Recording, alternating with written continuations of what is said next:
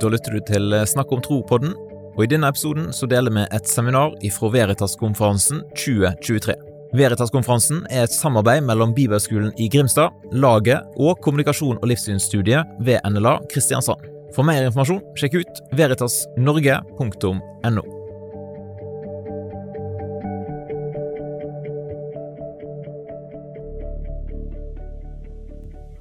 Well, thank you, uh, one and all, to turning up for this uh, English language uh, seminar.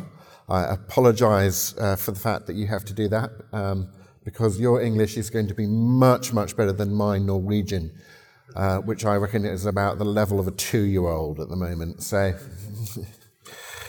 I'm going to be talking about uh, escaping the closed universe. the closed universe is a way of describing the naturalistic or uh, materialistic worldview. Uh, and looking particularly at uh, the ways in which C.S. Lewis engaged with that idea and how he moved uh, out of the closed universe of a, of a naturalistic worldview himself. We, of course, uh, tend to think of C.S. Lewis as a Christian academic, a Christian writer of fiction and non fiction, uh, apologetic works, and so on. But Lewis uh, himself, after uh, being brought up Christian as a child, lost his childhood faith and considered himself uh, an atheist uh, for several years. Here's a quote from Lewis uh, in a letter to his friend Arthur Greeves from the 12th of October in 1916. And he says to his friend, I believe in no religion. There's absolutely no proof for any of them, and from a philosophical standpoint, Christianity is not even the best. All religions are merely man's own invention. Right? So it gives you a, a clue as to his outlook at that stage. Um, Lewis at the back there had lost his childhood faith at boarding school, at Cherbourg House boarding school, uh, becoming an atheist aged 14, uh, so about 1913. And his worldview underwent several shifts during the course of the 1920s, and he became a theist around about 1929 30. And then later, uh, as a kind of second step, uh, a Christian theist in about 1930 31. In a famous essay published under the title the Free Man's Worship, published in 1903. The noted atheist philosopher Bertrand Russell asserted the following that man is the product of causes which had no provision of the end they were achieving, that his origin, his growth, his hopes and fears, his loves and his beliefs are but the outcome of accidental collocations of atoms, that no fire, no heroism, no intensity of thought and feeling can preserve an individual life beyond the grave, that the whole temple of man's achievement must inevitably be buried beneath the debris of a universe in ruins. All these things, if not quite beyond dispute, are yet so nearly certain that no philosophy which rejects them can hope to stand. Only within the scaffolding of these truths, only on the firm foundation of unyielding despair, can the soul's habitation henceforth be safely built. This is a classic expression of a naturalistic outlook on the world. And Lewis himself later wrote that Russell's essay, he said, I found a very clear and noble statement of what I myself believed a few years ago. And of course, this worldview is still with us. It's still the kind of dominant worldview of our Western culture. Uh, in the words of the British atheist Richard Dawkins, there is no design, because there's no God, no purpose, no evil, and no good. Nothing but blind, pitiless indifference, just the, the workings of nature according to the laws of nature. On this view of the world, Lewis said that nearly all that I loved, I believed to be imaginary. Nearly all that I believed to be real, I thought grim and meaningless. Let me introduce you to two basic elements of a, a world view the questions of what is real and how do we know anything. Uh, the what is real question is what philosophers will call ontology. That is, our assumptions about the nature of reality, i.e., what sort of things exist. The question of how do we know anything, philosophers call epistemology. These are our assumptions about knowledge, about the nature of knowledge, what it is, how we get it. So, what is real and how do we know anything?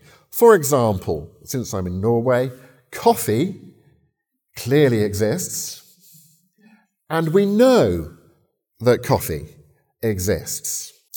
So let's think about the naturalistic ontology, the naturalistic view of what kind of things exist. As Lewis says, some people believe that nothing exists except nature, a, a vast process in space and time which is going on of its own accord.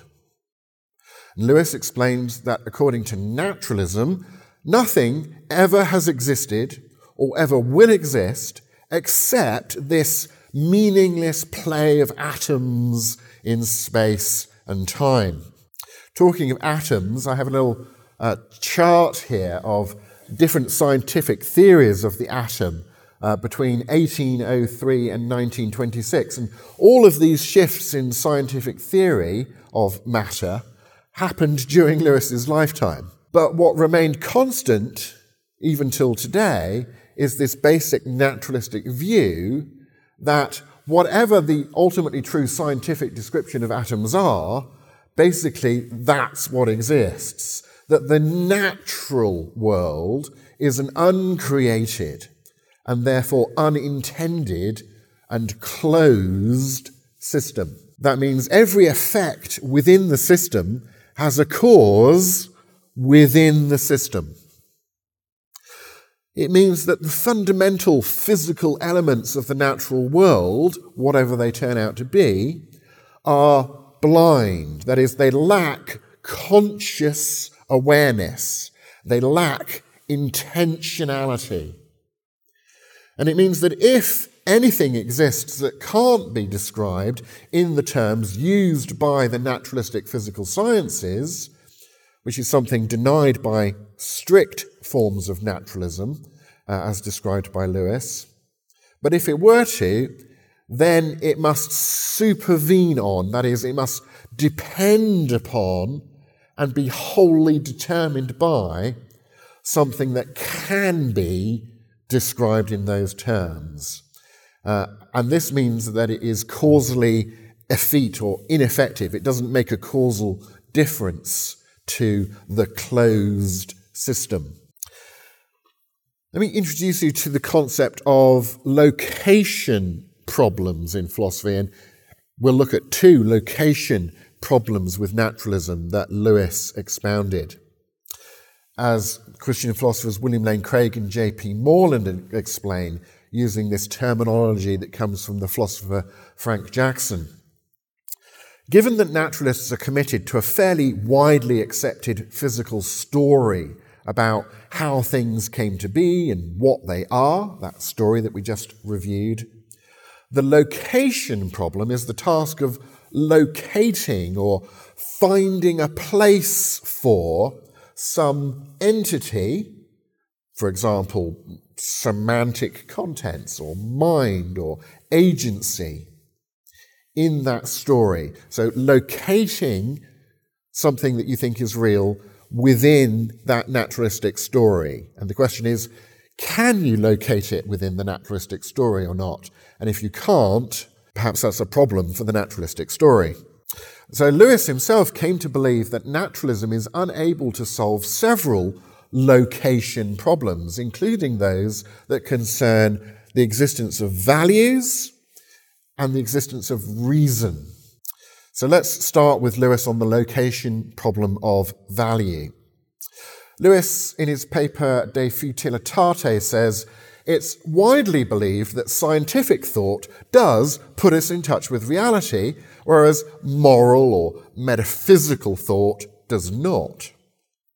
On this view, when we say that the universe is a space time continuum, we are saying something about reality. Whereas if we say that men ought to have a living wage, we're only describing our own subjective feelings. On this view, the world of facts without one trace of value and the world of feelings without one trace of truth or falsehood, justice or injustice, confront one another and no reproachment, no meeting uh, is possible. As the Scottish philosopher Jonathan Rowson explains, that the naturalistic worldview severed the connection between the good, the true, and the beautiful. It broke them apart so that you have a, a scientific truth severed from the ethics and aesthetics of the good and the beautiful. This comes into the, uh, the worldview feature of how we know, of epistemology, according to uh, the naturalistic uh, way of describing that, which is often some form of what's called scientism, not science, but scientism. Here's Bertrand Russell again. He says, Whatever knowledge is attainable, we must be attained by scientific methods. And what science cannot discover, mankind cannot know. Well, again, there are plenty of people around today who take the same view, who hold this scientific idea of how we know things. So, uh, atheist and chemist Peter Atkins says that the scientific method is the only means of discovering the nature of reality, the only way of acquiring reliable knowledge. Or atheist philosopher Alex Rosenberg says we trust science as the only way to acquire knowledge. But Lewis thought that scientism has too narrow an understanding of knowledge because it could not accommodate moral and aesthetic knowledge or the intuition that logical principles required for rational argumentation are things that we know by intuition. Science doesn't do ethics. Science describes and predicts, but ethics prescribes and obligates. Science will tell me what chemicals I need to put in the cocktail in order to murder the person who's going to drink it. Science will not tell me whether that is a good or bad thing for me to do. Russell again said, We judge that happiness is more desirable than misery, goodwill than hatred, and so on. Such judgments may be elicited raised by empirical experience, but he says it is fairly obvious that they cannot be proved by empirical experience. Well, the question is is this so much the worse for ethics as a subject? Does this just entail sub- subjectivism about right and wrong, and good and bad? And we just have to bite that bullet? Or is this so much the worse for scientism? Russell again, while it's true that science cannot decide questions of value, that is because they cannot be intellectually decided at all and lie outside the realm of truth and falsehood. Whatever knowledge is attainable must be obtained by scientific methods, and what science cannot discover, mankind cannot know. But it seems that it really is true that some things are, objectively speaking, good. We discover that some things are good, for example. And there are plenty of atheist philosophers who will do a mighty fine job of defending that notion that we can discover that some things are good. Here's uh, British atheist Russ Shafer Landau. He says, Some moral views are true others false. And my thinking them doesn't make them so. They're not subjective realities. He says individuals and whole societies can be seriously mistaken when it comes to morality. The best explanation of this is that there are moral standards not of our own making. In other words, moral standards that we discover in reality. But we didn't discover them through science, so that seems to me so much the worse for scientism as a view of knowledge. Uh, or when you just kind of see, to use that metaphor, that an argumentative form is logically valid, i.e., that if A then B, A, well, therefore B. This insight that, a, that an argument with that structure has a conclusion that must be true if both of the premises are true, you can't dismiss that insight as a mere subjective feeling because we don't know that through the scientific method. This is not something you infer from empirical experience. Indeed, you couldn't infer it because in logic we know necessarily truths. You can't infer to necessary conclusions. As Lewis says, you cannot produce rational intuition by argument because argument depends upon rational intuition. Proof rests upon the unprovable that just has to be seen. Or, as the atheist Sam Harris puts it in our own day, intuition denotes the most basic constituent of our faculty of understanding. While this is true in matters of ethics, it's no less true in science. When we break our knowledge of a thing down, no, when we can break it down no further, the irreducible leap that remains is intuitively taken. Thus, the traditional opposition between reason and intuition is a false one. Reason is itself intuitive to the core. As any judgment that a proposition is hmm, reasonable or logical relies on intuition to find its feet. The point, I trust, is obvious. We cannot step out of the darkness without taking a first step. And reason, without knowing how, understands this axiom if it would understand anything at all. The reliance on intuition, therefore, should be no more discomforting for the ethicist than it has been for the physicist. Thus, Lewis says the distinction that's made between scientific and non scientific thoughts about things will not easily bear the weight that we're attempting to put on it in this scientific view of knowledge. So, even as an atheist and a naturalist, Lewis rejected scientism. And this allowed him to take philosophical, metaphysical arguments seriously arguments such as the problem of evil argument against the existence of God. He says, several years before I read Lucretius, I felt the force of his argument, and it's surely the strongest of all for atheism. Quote, had God designed the world, it would not be a world so frail and faulty as we see. And so, little by little, with fluctuations which I cannot now trace, I became an apostate, dropping my faith with no sense of loss, but with the greatest relief. And then Lewis spent his 19th birthday in the front-line trenches of World War I before being wounded during the Battle of Arras when a British creeping barrage crept the wrong way. As Douglas Gresham uh, records, as they advanced with bayonets at the ready, the barrage stopped advancing and began to come back towards them.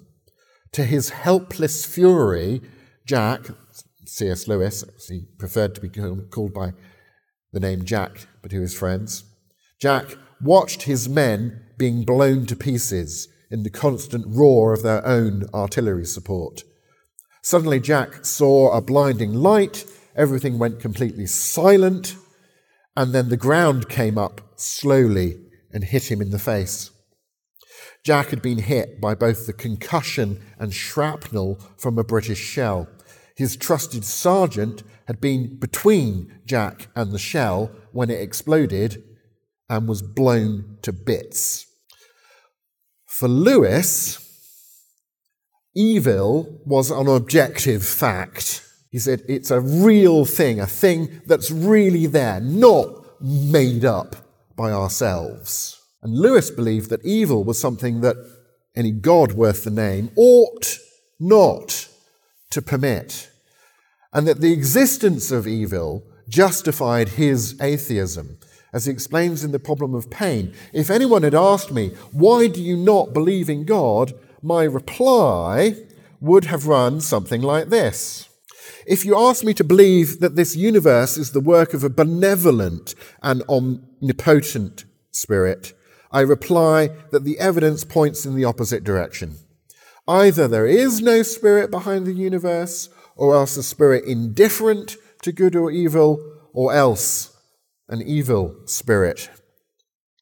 My argument against God was that the universe seemed so cruel and unjust. But how had I got this idea of just and unjust? What was I comparing this universe with when I called it unjust? Of course, I could have given up my idea of justice by saying it was nothing but a private invention of my own. But if I did that, then my argument against God collapsed too, if he joins Bertrand Russell. For the argument depended on saying that the world was really unjust not simply that it did not happen to please my fancies. Thus, in the very act of trying to prove that God didn't exist, I found I was forced to assume that one part of reality, my idea of justice, was full of sense. Consequently, atheism turns out to be too simple, argued Lewis in Mere Christianity.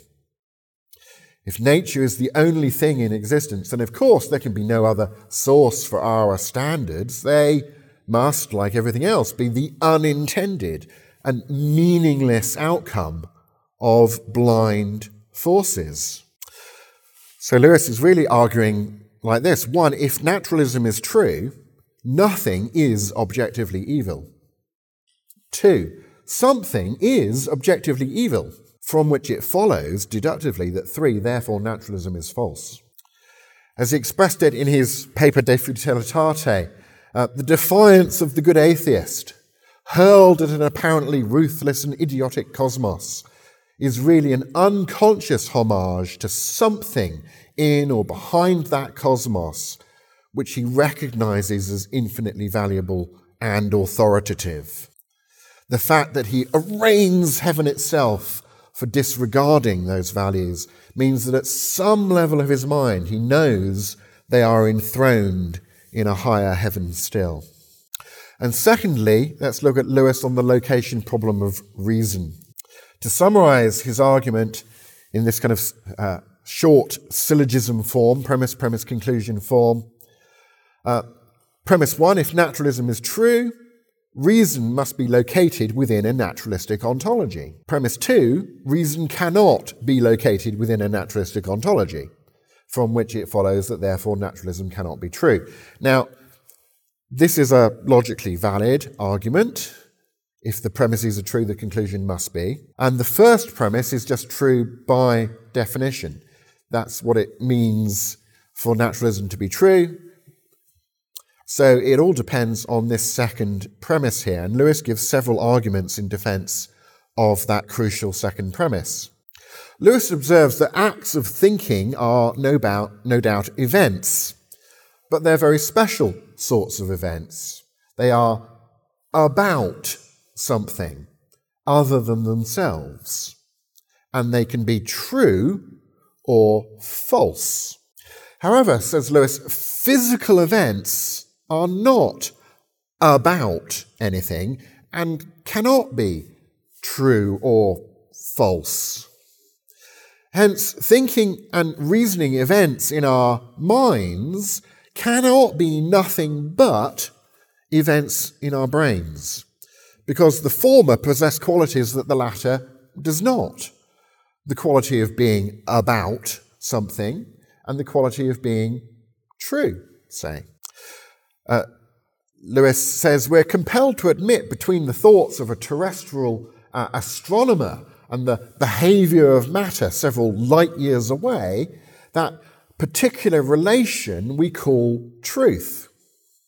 But this relation has no meaning at all if we try to make it exist between the matter of the star and of the astronomer's brain, considered as lumps of matter. The brain may be in all sorts of relations to the star, no doubt. It's in a spatial relation and a time relation, and, but to talk of one bit of matter as being true about another bit of matter seems to me to be nonsense. Alex Rosenberg, who I quoted earlier in his book, The Atheist's Guide to Reality, uh, says, We have thoughts about things. He says, Consciousness tells you in no uncertain terms what the content of your thought is, what your thought is about. It's, say, about the statement that Paris is the capital of France. That's the thought you're thinking. It just can't be denied. You can't be wrong about the content of your thought. Your thought might be wrong about something, but you can't be wrong about knowing what you're thinking. You are thinking it. You're thinking Paris is the capital of France, right? And you know it. But Rosenberg also states that purely physical realities cannot be about anything. He says, no chunk of matter can just by itself be about another chunk of matter, without a mind to interpret the first chunk of matter as being about the second chunk, such as a map. But you need a mind to interpret that map says the brain can't have thoughts about Paris or about anything else for that matter.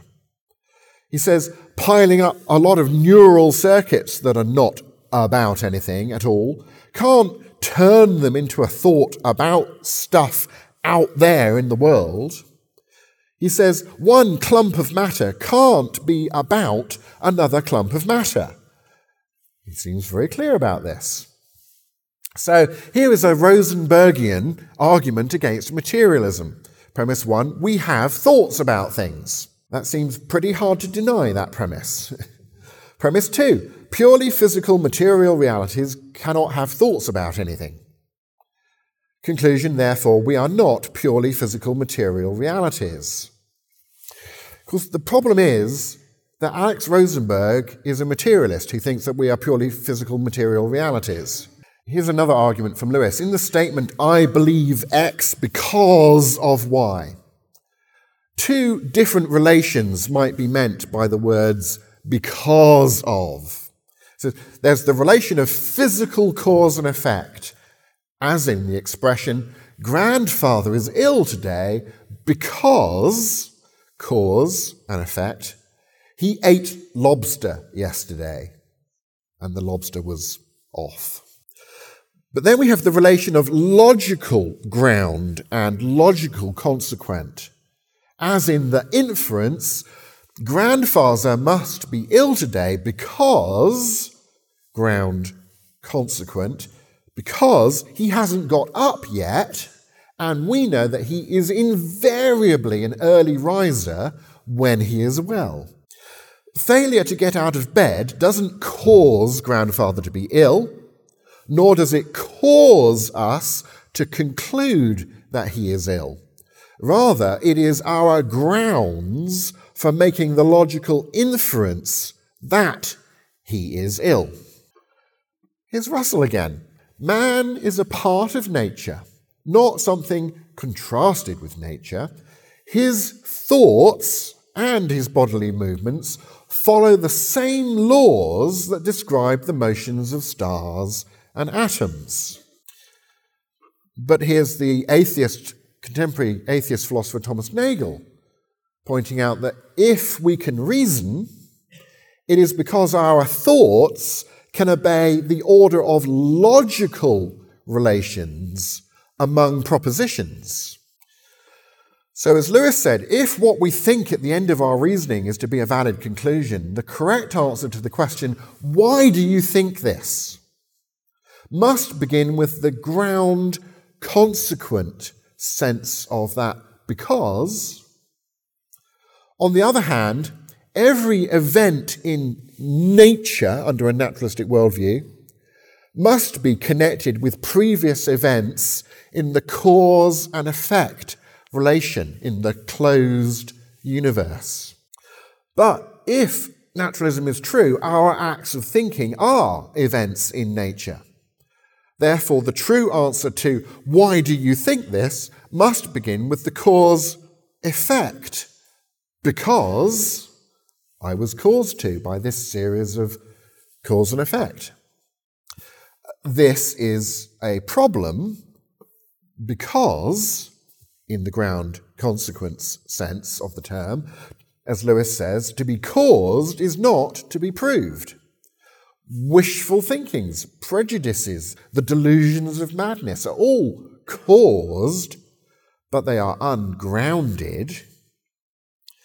In a contemporary version of this argument, in a book on the philosophy of mind by the uh, American philosopher William Hasker, he argues like this in a very similar manner. Each mental event is, on the hypothesis of naturalism, either identical with or supervenient on. Remember that that means dependent upon, completely caused by, and not able to do any causal stuff of itself. So identical with or supervenient on a physical event. By hypothesis, the physical event in question has a complete causal explanation in terms of previous events with which it is connected according to the laws of physics. Each such event has whatever causal powers it has solely in virtue of its physical characteristics. No causal role for the mental characteristics as such can be found. Hence, on the assumption of the causal closure of the physical, no one ever accepts a belief because it is supported by good reasons.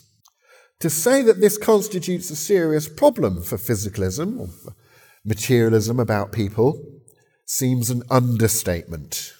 So, in conclusion, C.S. Lewis argued himself out of naturalism in part because he thought it suffered from some insurmountable location problems concerning value and reason. Now, afterwards, he gradually came to think that the best way to locate values and reason in one's worldview, one's story of reality, is to abandon atheism and to locate them fundamentally in the existence of God. But that's really a story for another day. Thank you very much.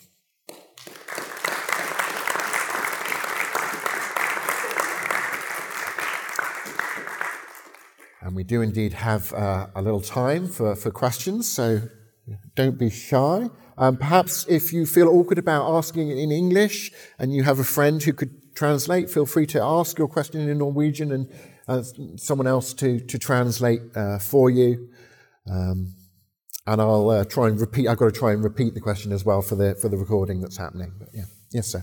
Great. Okay, thank you. So the the, the question is, um, how do we kind of deal with um, people who have uh, who, who, are atheists, but who have a kind of broader worldview than this kind of naturalistic or materialistic, scientific view of things. The kind of atheist who may include sort of um, the existence of kind of uh, some sort of platonic realm of ideas, say. Um, uh, atheists like Erik Wielenberg um, grounds his ethics in, in saying, okay, there really are ethics and they really are non naturalistic. But I don't want to bring God into the picture. I want to retain an atheism. Um, but he's clearly, I think, busted out of the bounds of, of a sort of traditional description of a naturalistic worldview. You're, you're really saying, okay, this is now an argument between two different kinds of supernaturalistic worldview, right? Um, and yeah, that's a whole other discussion which would require a whole other bunch of arguments.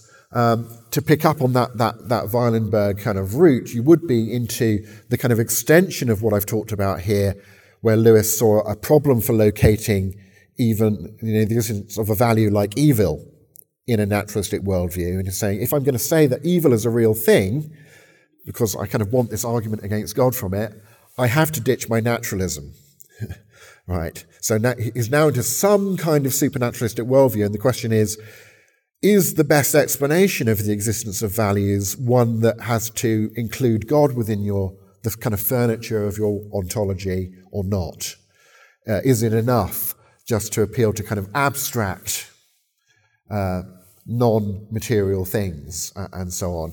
And there, the other steps of the kind of moral argument um, that Lewis discusses in the beginning of Mere Christianity uh, and so on would be uh, the kind of direction that I would take it. And certainly, if you want to follow up on Erik Wielenberg and read his uh, recent debate with uh, William Lane Craig over um, the best explanation of morality and whether whether or not that is one that brings God into the picture or whether you can do it without God in the picture.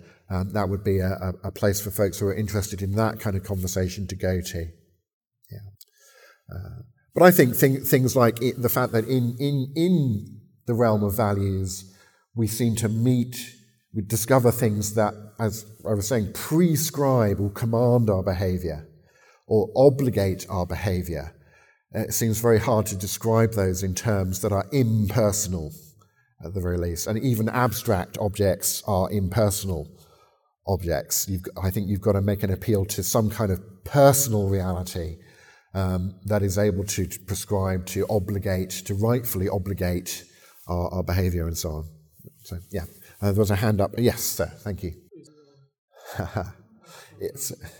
So is, is Lewis's argument uh, about reason the, the, the, best argument for kind of making a distinction between mind and brain? Um, I think it's a good one. I, I, I, I wouldn't be sure off, off the top of my mind, I'm going to say, instead of off the top of my head, that it's the best because there's, there's a whole range uh, of those arguments. And indeed, uh, as I was kind of pointing out here, there's more than one thread to Lewis's argument. There's that thread about uh, can purely material things be about anything, about the, the, the difficulty of intentionality.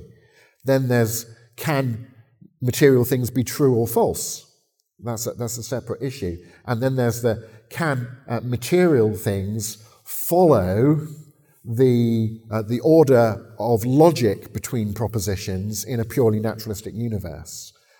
Um, and again, if, if folks want to kind of follow up on, on, on some of these, because that kind of relates to, to both of these questions here, um, if you want to start with Lewis, I, I highly recommend starting with his, uh, his essays, De Futilitate uh, on Reason and The Poison of Subjectivism on, mor- on, on Moral Value. Uh, and both of those can be found in the, in the, the volume Christian Reflections. Uh, for a longer exposition of his argument from reason, uh, look at the, uh, the third chapter of the second edition of Miracles, uh, The Cardinal Difficulty of Naturalism, and on the moral argument that we were talking about, that's book one, but that makes it sound longer than it is. It's pages 3 to 26 of uh, Mere Christianity.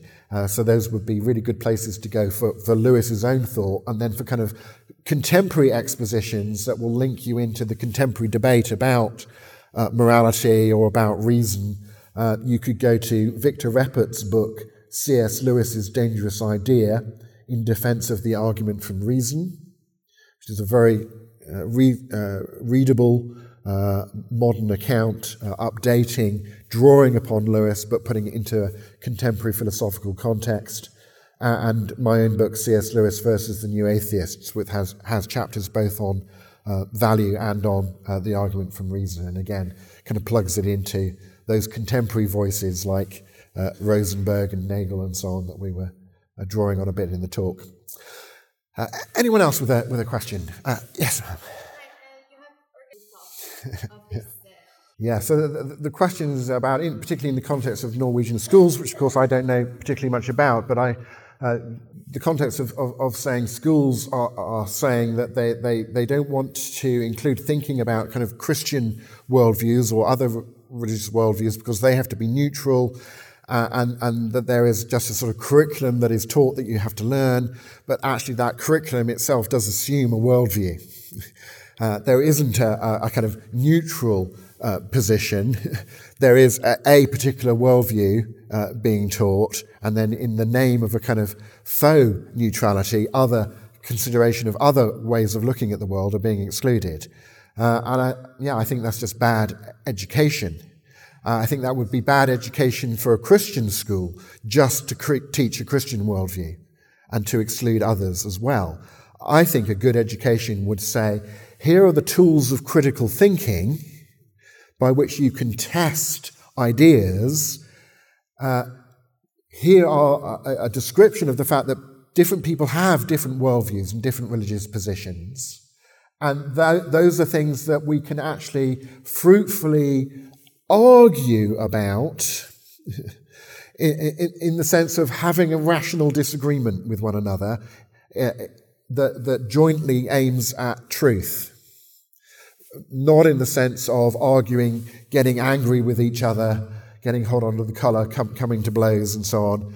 Um, actually, if you can't have a rational dispute about things, you're only left you're only left with getting angry at each other. That's why uh, so much social media is so angry because it's really difficult to have a reasoned argument on there in 140 characters or, or whatever it used to be.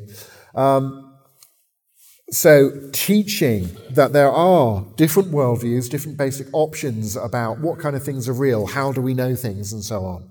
That those basic worldview affect how people interpret and do things like science or history or what have you, but that we can critically engage with those uh, and give arguments for and against different worldviews and so on. And that that's something that we need to be equipped to understand and think about uh, and even if we don't come to agreement with other people when we argue with them, at least we'll come to greater understanding of them as citizens in, in a kind of multicultural, pluralistic society that doesn't just have one, uh, one view living within it, even if, even if one view is trying to be kind of uh, imposed upon it, uh, as it were.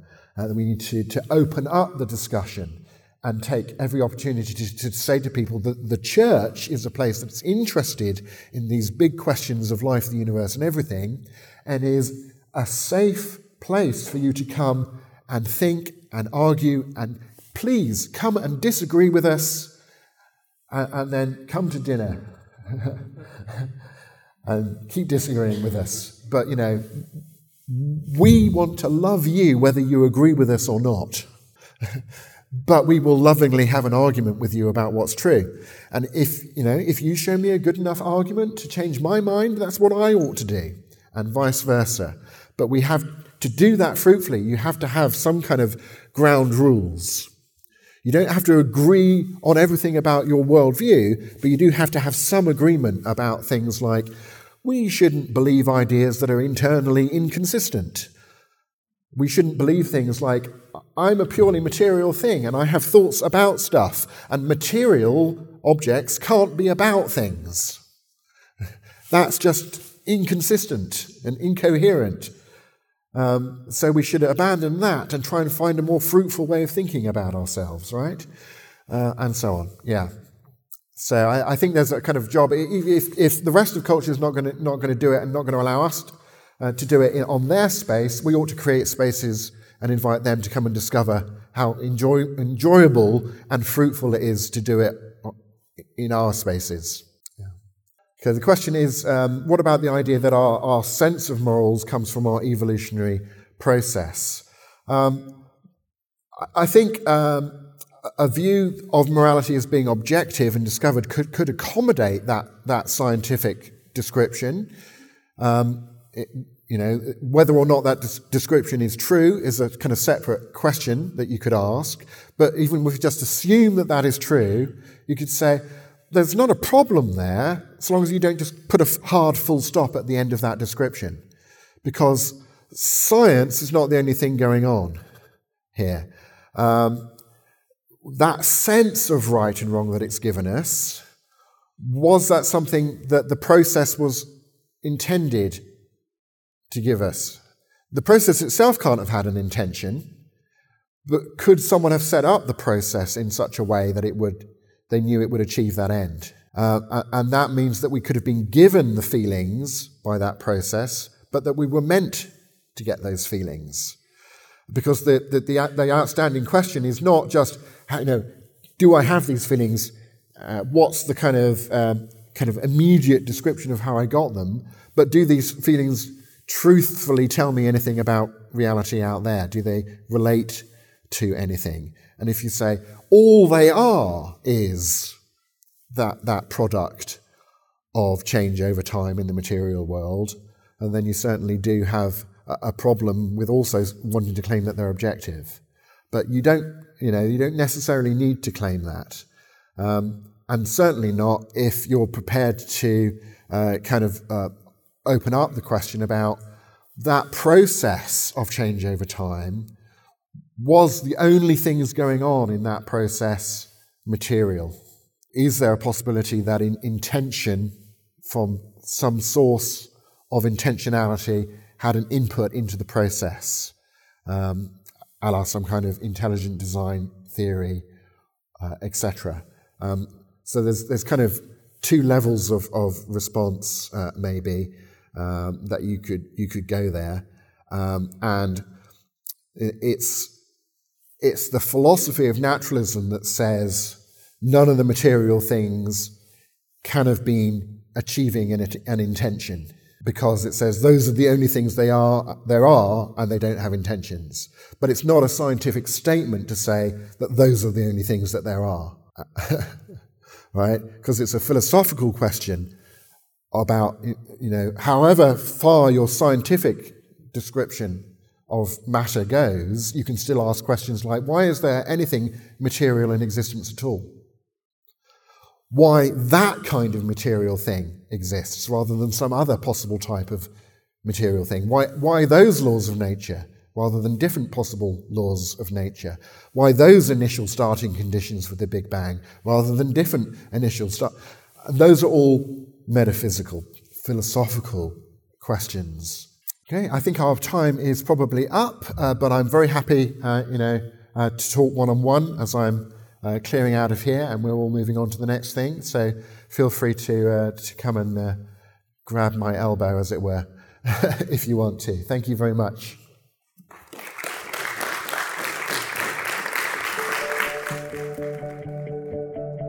Vil du lære mer om kristen trosforsvar? Ta turen på neste Veritas-konferanse, eller sjekk ut ressursene på snakkomtro.no.